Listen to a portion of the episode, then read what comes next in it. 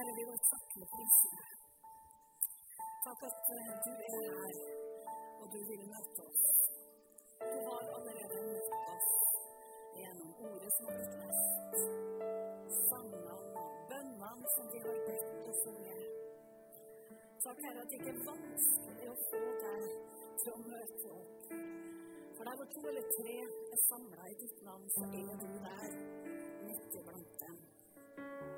Sånn som du var til disiplenes store overraskelse etter korsfestelse og grav. Så plutselig så sto du der, like reell som da du gikk sammen med dem. Og takk, Herre, at du har ikke forandra deg.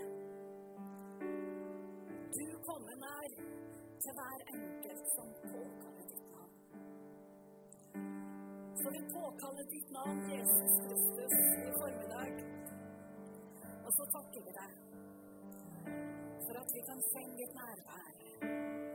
Gjennom et smil, gjennom gode ord, gjennom ditt levende ord, gjennom din ånd som du har sendt oss.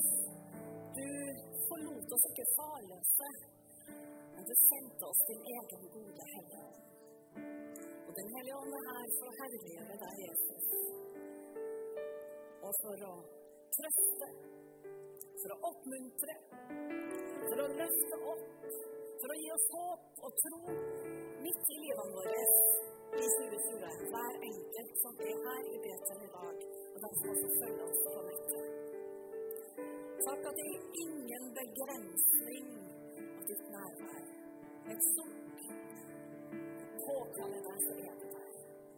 Det kan vi få lov å tro. Jesu navn. Amen. Vær så god og sitt.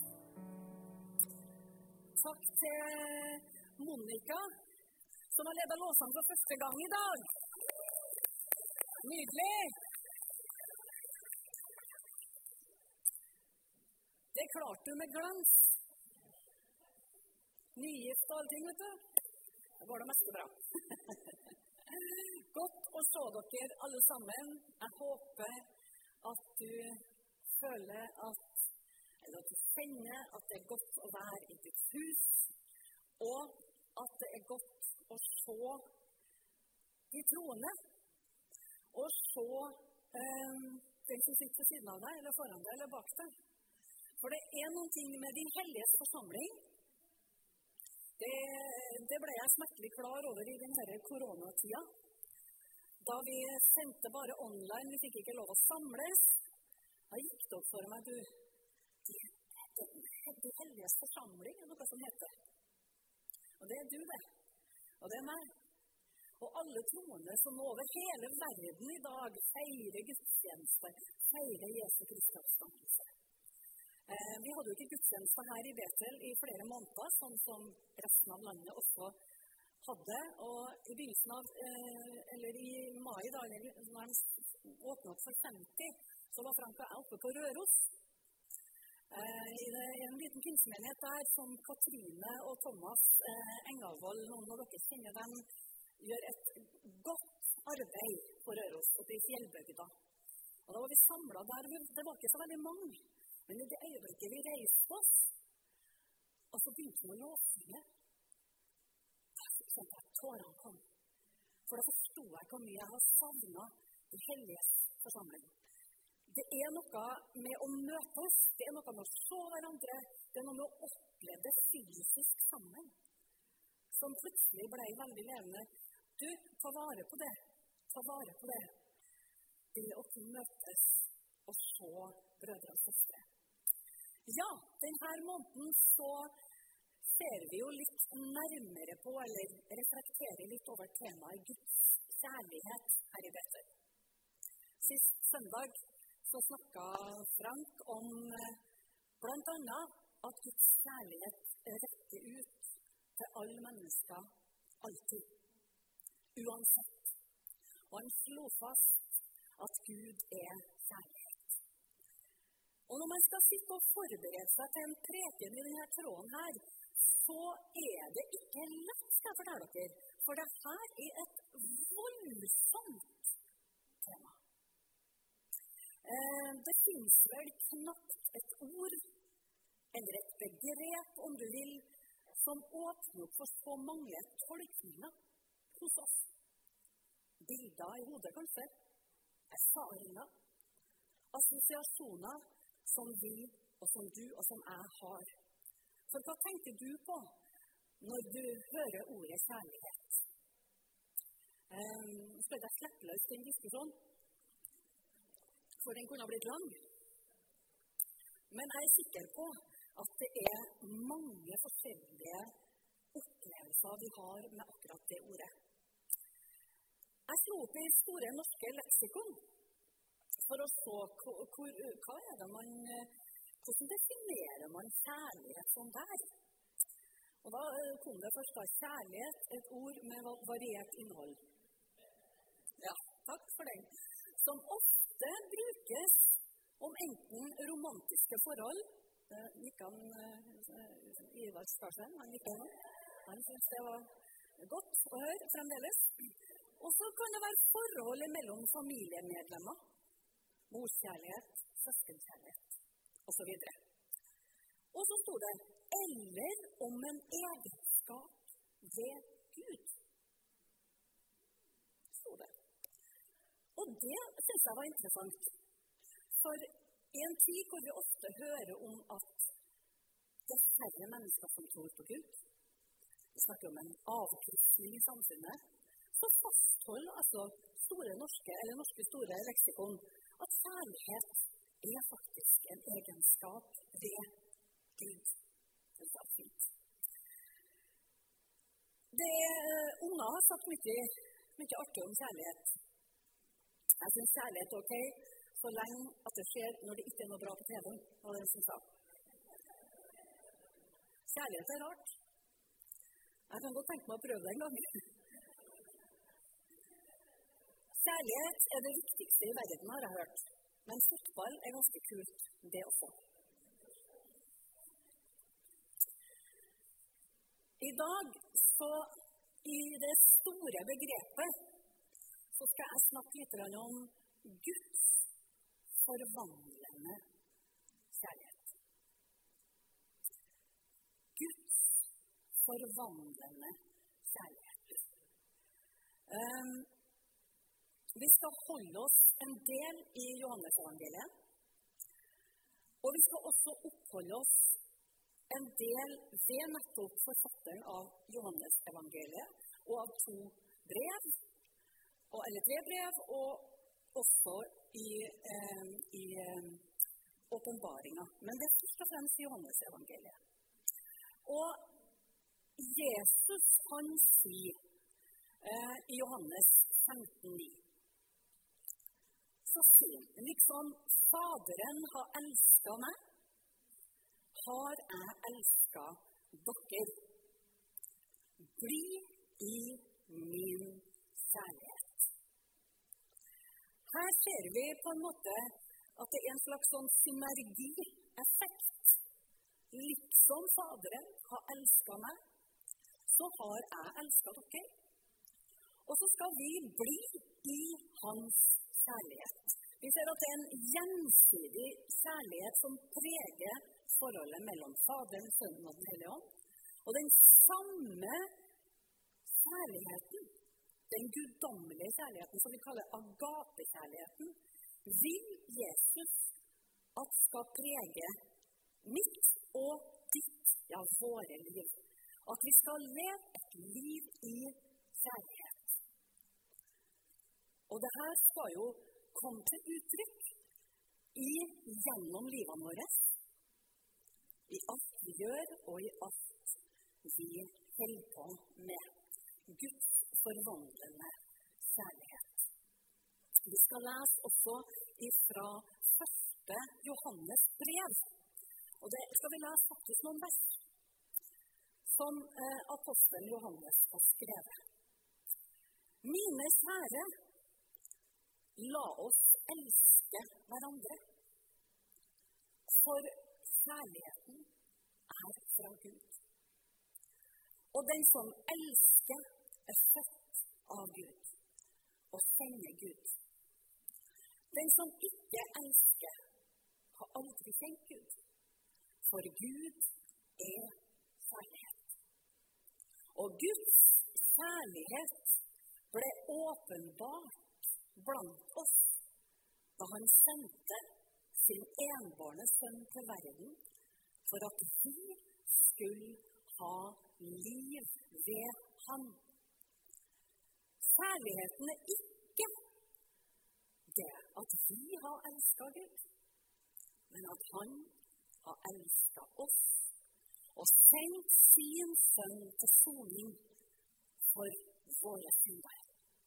Mine kjære, har Gud elska oss slik, da skylder også vi å elske hverandre. Ingen har noen ganger sett Gud. Men dersom vi elsker hverandre, blir Gud i oss, og hans kjærlighet er fullendt i oss. At vi blir i ham og han i oss, det vet vi fordi han har gitt oss av sin ånd. Vi har sett og vitner om at Faderen har sendt Sønnen som verdens frelser. Og den som erkjenner at Jesus er Guds sønn, i ham blir Gud, og han sjøl blir i Gud. Vi har lært å kjent den kjærlighet Gud har til oss, og vi har trodd på den. Gud er kjærlighet. Og den som blir i kjærligheten, blir i Gud, og Gud i ham. Slik lyder Herrens fantastiske, gode ord til oss i dag. Guds forvandlende kjærlighet. Han som har skrevet disse fantastiske ordene vi leste nå fra 1. Johannes brev, og også det vi leste i stad fra Johannes evangeliet, det er apostelen Johannes. Som på slutten av livet sitt ble kalt for kjærlighetens apostel. Eh, Johannes var jo en av Jesu disipler.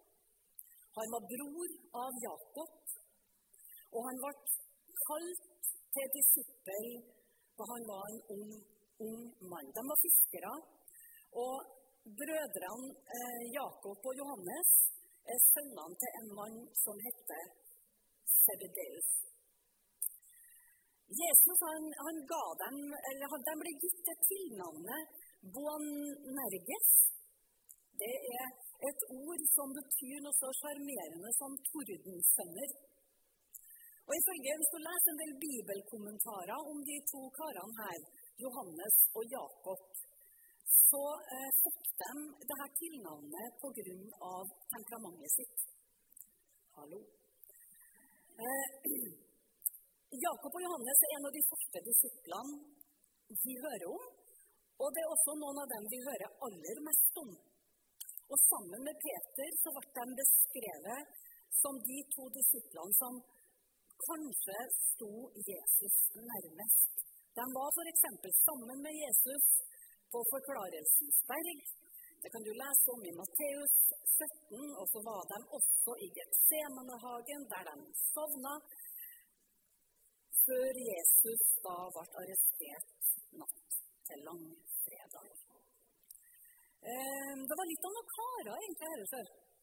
De var uh, fiskere som var vant til et uh, friskt liv utpå Genesaretsjøen. Du må huske at jeg er født på kysten, så jeg vet hvordan fiskerne snakker når de kommer i land.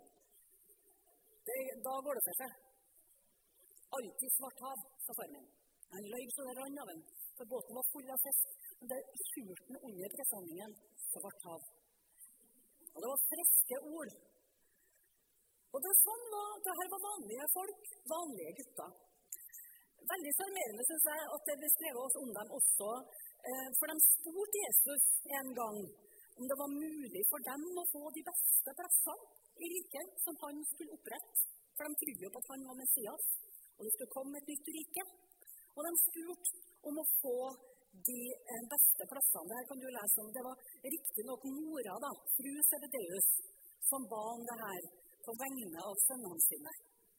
Kunne ha vært min svigermor, som fru Sobedeus, eller kanskje noen andre som kjenner seg igjen her.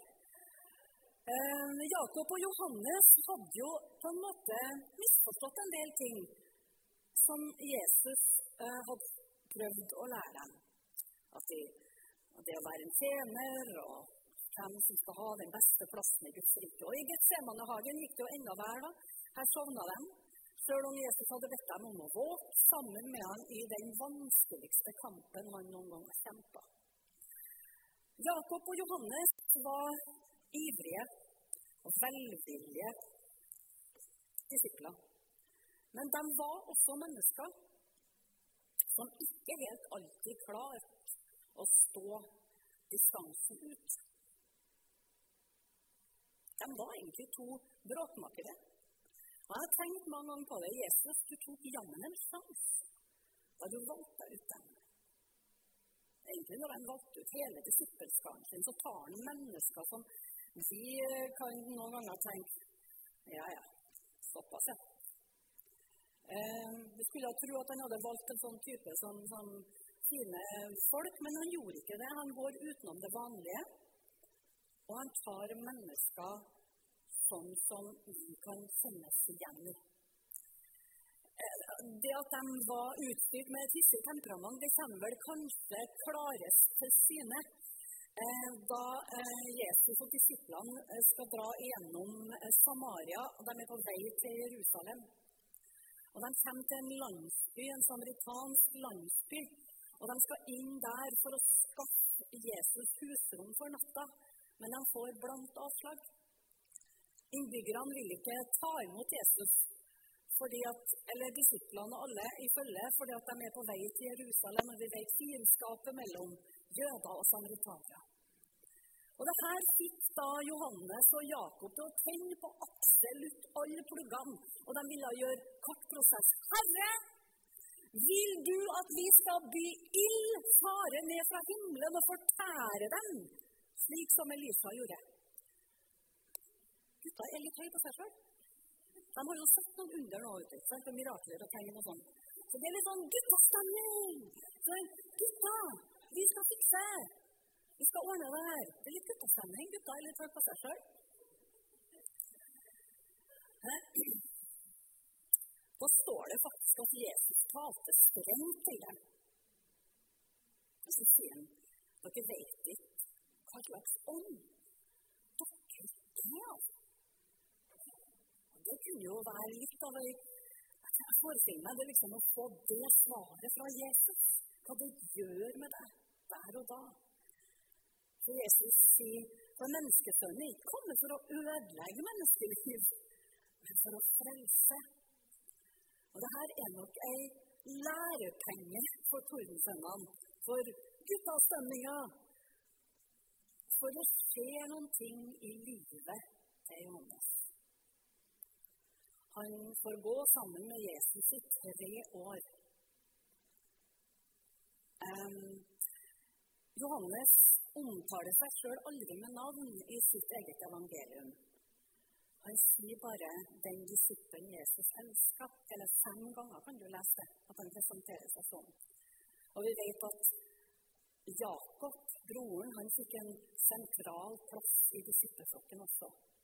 Han sier ikke det, Johannes, at Jesus elska han mer enn han elska de andre, eller forskjellig fra de andre. Nei, han sier det første brevet sitt. Og Guds kjærlighet ble åpenbart for oss da han sendte sin bårne sønn til verden for at verden skulle ha liv med han, det som vi nå leser. De årene da Johannes gikk sammen med Jesus, sammen med Peter og sammen med Jakob, de svikta hver sin gang. Men den eneste disippelen det er alt som tyder på det, at den eneste disippelen i disippelflokken som våga seg helt fram til Golgata, helt fram til korset, sammen med flere kvinner deriblant den egne mora hans, Salome, og Maria, Jesu mor, at det var Johannes. For det er ikke en tordensønn som står ved Jesu kors. På en måte så kan man tro at alle hans ambisjoner og drømmer hadde falt i grus. Det er nok bare å dra tilbake til Genesaretsjøen og grave fram den gamle båten igjen. Kanskje han tenkt. For i likhet med de andre disiplene så hadde han satsa hele livet sitt på en Messias som skulle opprette Davids kongedømme. Senere i livet så får han faktisk betegnelsen kjærlighetens apostel. Fra tordensønn til kjærlighetens apostel. Og det han skriver om i evangeliet sitt og i brevene sine, og også i Johannes' åpenbaring, er Og det preges av en visshet og en glede om at jeg er elska av Jesus. Og det Johannes ser, og det han har opplevd og kjent på kroppen, er at den omsorgen og godheten og kjærligheten som er i Faderen, Sønnen og Den hellige ånd, det gjør at det skjer noe med meg i møte med kjærligheten. Han opplevde at det var ikke bud og krav som forvandla en tordensønn til kjærlighetens budbærer, men møte med ufortjent nåde og godhet. Derfor så skriver også Johannes vi elsker fordi han elsker oss først. I slutten av evangeliet sitt så skriver han det er denne disippelen som vitner om disse tingene og som har skrevet det her, og vi vet at vitnesbyrdet er sant. Men også mye mer har Jesus gjort. Skulle det skrives ned, hver enkelt ting, så tror ikke jeg hele verden ville romme de bøker som da måtte skrives. For jeg tror at Guds kjærlighet, den er Johannes et bevis på at han forvandler mitt og ditt liv. I møte med Guds kjærlighet. For når vi oppdager godheten og kjærligheten, så ser det noe inni oss. Den indre bestemmelsen, den dype flammen. Paulus, en apostel som har gitt oss nesten hele Det nye testamentet, han begynte som forfølger av de kristne, men endte opp som en kjent misjonær og forkynner av den kristne tro. Han var den som fikk utbre evangeliet til de fleste steder og menigheter i sin samtid. Han skriver i eh, Romerbrevet, kapittel 8, vers 31 37. Jeg tar med det for sammenhengens skyld. Hva skal vi da si til det her? Er Gud for oss, hvem er da mot oss? Han som ikke spart sin egen sønn, men ga ham for oss alle, kan han gjøre noe annet enn å gi oss alle ting sammen med ham. Hvem kan anklage dem som Gud har utvalgt? For Gud er den som frisinner. Hvem kan da fordømme? Kristus, Jesus døde, ja, mer enn det. Han sto opp og sitter ved Guds høyre hånd, og han går i forbønn for oss. Hvem kan skille oss fra Kristi kjærlighet? Nød, angst, forfølgelse, sult, nakenhet, fare eller sverd. Det står skrevet. For din skyld drepes vi dagen lang. Vi regnes som slaktesauer. Men midt i alt dette vinner vi full seier ved Han som har elsket oss. Gud han ga det beste han kunne gi, sin egen sønn, som en løsepenge og frelser. Og det gjorde han før jeg og du hadde kommet på bedre tanker. Før vi prøvde å ta oss sammen for å leve et skikkelig liv. For han elsker oss i Bibelen mens vi enda var syndere og langt borte.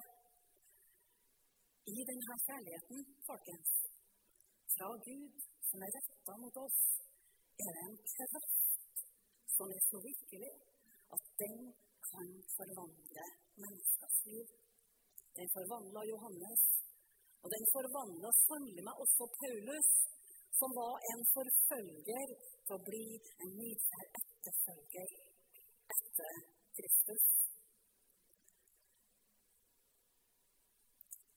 Kanskje har du noen ganger eh, hørt du må, eller du må elske Gud mer. Vi må ha mer lidenskap for Gud. Og det er ikke noe galt i det. Kanskje har du hørt den type forkynnelse. Men hva er den sanne definisjonen av kjærlighet? Kjærlighet er, sier Bibelen, ikke at vi har elska Gud, men at Han har elska oss. For det handler ikke om at jeg og du skal prøve å dra oss etter håret for å elske Gud, men bare åpne seg og ta imot av en kilde, av en strøm av kjærlighet ja, men det står jo at du skal elske Herren din Gud av hele ditt hjerte og av hele din sjel og av all din makt. Det høres så slitsomt ut. Mm, Få deg sammen. Ja. Men det her er noen ting som Gud har det for oss. Det, det, det er rart, vet du. Men så stor er Guds kjærlighet at han virkelig har satt seg i den stolen og tar imot og gir oss av sin uendelige kjærlighet. For i dag, folkens, så er ikke du, så er ikke jeg, ikke vi som etterfølgere av Jesus lenger under loven. Men vi er under nåden. Og nåden forteller oss at Gud elsker oss. Ikke at vi først har elsket ham, men at han har elsket oss. Og Det som skjer, og det som skjedde i Johannes sitt liv, og det som skjedde i Paulus sitt liv, det var at når her, denne kjærligheten går opp for meg Når jeg forstår hvor høyt jeg er elska av Gud, så skjer det noe med livet mitt på innsida. Jeg får lyst til å elske. Jeg får lyst til å gjøre Hans bud. Jeg får lyst til å følge etter Jesus fordi at han elska meg først. Jeg skal hoppe litt i eh, powerpointen min her. Guds forvandlende kjærlighet. Jeg skal bare lese litt på slutten her. For jeg er viss på at verken død eller liv Verken engler eller krefter. Verken det som nå er, eller det som kommer, eller noe makt. Verken det som er i det høye eller i det dype, eller noen annen skapning, skal kunne skille oss fra Guds kjærlighet i Kristus Jesus, vår Herre. Guds kjærlighet er retta mot oss. Den er vendt mot oss. Han er ikke sykt. Han er fornøyd. Men så tenker vi at ja, men han kan ikke være fornøyd med meg. Du. Sint meg Du Jeg vet ikke hvor sint jeg var i morges da jeg gikk ut av huset. Og jeg slo bildøra og ønska nesten at handa til den andre satt fast. Ingen av dere som tenker sånn, men uh, jeg kan tenke sånn. Nei, ikke i dag, men men eh, det kan jo hende at vi kjenner på noe, liksom. Så kommer vi under fordømmelse da, for at jeg får det ikke til. får til å være. Jeg har fremdeles et temperament. Jeg, kan, eh, jeg er ikke som tordensønnen. Altså, jeg er tordensønnen. eller datter. Fremdeles. Etter 40 år. Da har jeg lyst til å si til deg at jeg syns ikke du skal være så streng med deg sjøl. For Gud er ikke streng med deg. jeg vil, si at det er i orden. da. Det er greit da, å være sånn. Nei, det, det kan du nå snakke med noen om, eller be med noen om. Men ikke la deg holde deg under fordømmelse. For det er det en som vil, ikke sant? Som vil hindre deg og meg å være fri og gjøre Herren Jesu Kristi gjerninger rundt omkring. Guds kjærlighet er ikke som vår kjærlighet, for vi har en tendens til å elske dem som elsker oss i det menneskelige. Men Guds kjærlighet strekker seg lenger om vi er ulydige eller vender oss bort fra Han eller gjør ting. Så lengter Han og venter Han allikevel. Hva har beretningen om den bortkomne sønnen lært oss i Lukas 15? Den faren som er et bilde på akkurat hvordan Gud elsker. Jo, han står og venter, han. Der var det en som tok med seg arven og for ut og brukte opp alt og brukte på ting som absolutt ikke var etter farens hensikt og tanke. Men når han kommer til seg sjøl, står det Og der har vi vel vært en og en hver en gang iblant. Vi kommer til oss sjøl, og godt er nå det. At vi kommer til oss sjøl. Og vet du hva det er? Det er Guds forvandlende kjærlighet at vi kommer til oss sjøl.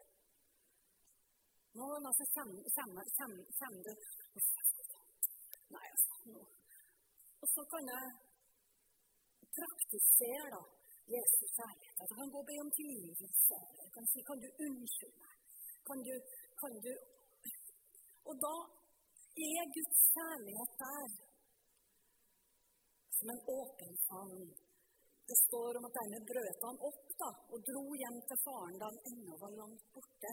Fikk faren se han og fikk inderlig medfølelse med ham. Vi kan ha vonde opplevelser som faktisk kan vendes til noe godt hvis jeg og du lar oss elske av Gud. At vi lar oss elske.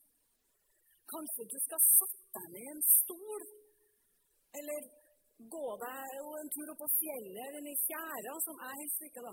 Sette seg på en stein der, bare se utover havet og så si Gud, nå sitter jeg her og vil bli elska av deg. Og vet du, det ser noe. Ikke så snart, men det ser noe. For jeg finner ut at det nytter ikke å dra seg etter håret og prøve. Men når jeg sitter på steinen min i fjæra Kjenner Gud, du elsker meg. Og Gud, han elsker deg. Selv om jeg kunne være sint og sur, så vet Gud, og han elsker. Uendelighet. så får vi komme til Han akkurat slik som han er, skal vi få fram sangerne og musikerne her. Sett deg ned i stolen og la deg elske av Gud. La deg ta imot av Hans uendelige kjærlighet, Hans forvandlende kjærlighet. La deg elske av en Gud som har elska, og som alltid kommer til å elske deg.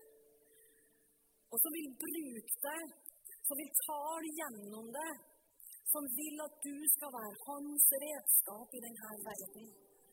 Du kan få gå ut i den nåden i dag og vite at du er elsket av Gud. Du kan bli fornya i ditt kjærlighetsforhold til Jesus ved å bare si, 'Herre, jeg vil la meg elske av deg i dag', sånn at jeg kan gå ut, sånn at jeg kan gå ut og være en etterfølger av deg, som kan være en fredens apostel, som kan være et menneske fylt av tro og tillit i den verden vi lever, som oppleves urolig. La deg elske av